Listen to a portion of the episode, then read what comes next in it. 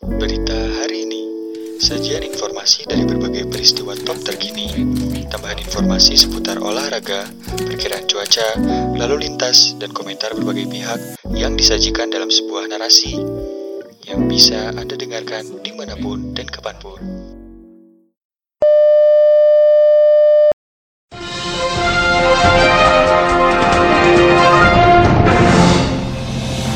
Dari CNN Indonesia, DPRD DKI Jakarta mengingatkan bahwa pemerintah pusat masih memiliki hutang kepada pemerintah Provinsi DKI Jakarta dari dana bagi hasil yang belum sepenuhnya diterima oleh provinsi. Ketua Komisi A DPRD DKI, Mujiono mengatakan dana inilah yang akan digunakan untuk penyaluran bantuan sosial atau bansos dalam penanganan pandemi COVID-19. Awalnya 6 triliun, lebih lalu rasionalisasi akhirnya jadi 5,2 triliun. Ini ditagih oleh Pak Gubernur Anies Baswedan ke Kementerian Keuangan. Dari situ disanggupi separuhnya saja, yaitu 2,6 triliun yang telah diberikan pada 23 April yang lalu.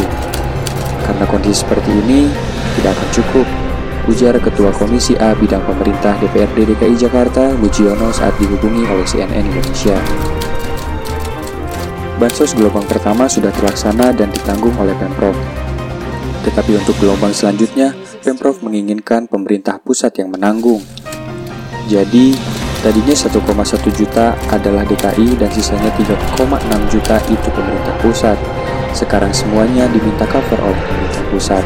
Ujar Sri dalam rapat virtual dengan DPR RI Rabu tanggal 6 Mei. Pemprov DKI sendiri hingga berita ini diturunkan belum merespon CNN mengenai ucapan Sri Mulyani bahwa Pemprov DKI ingin pemerintah pusat menanggung seluruh dana bansos. Semoga masalah ini cepat terselesaikan.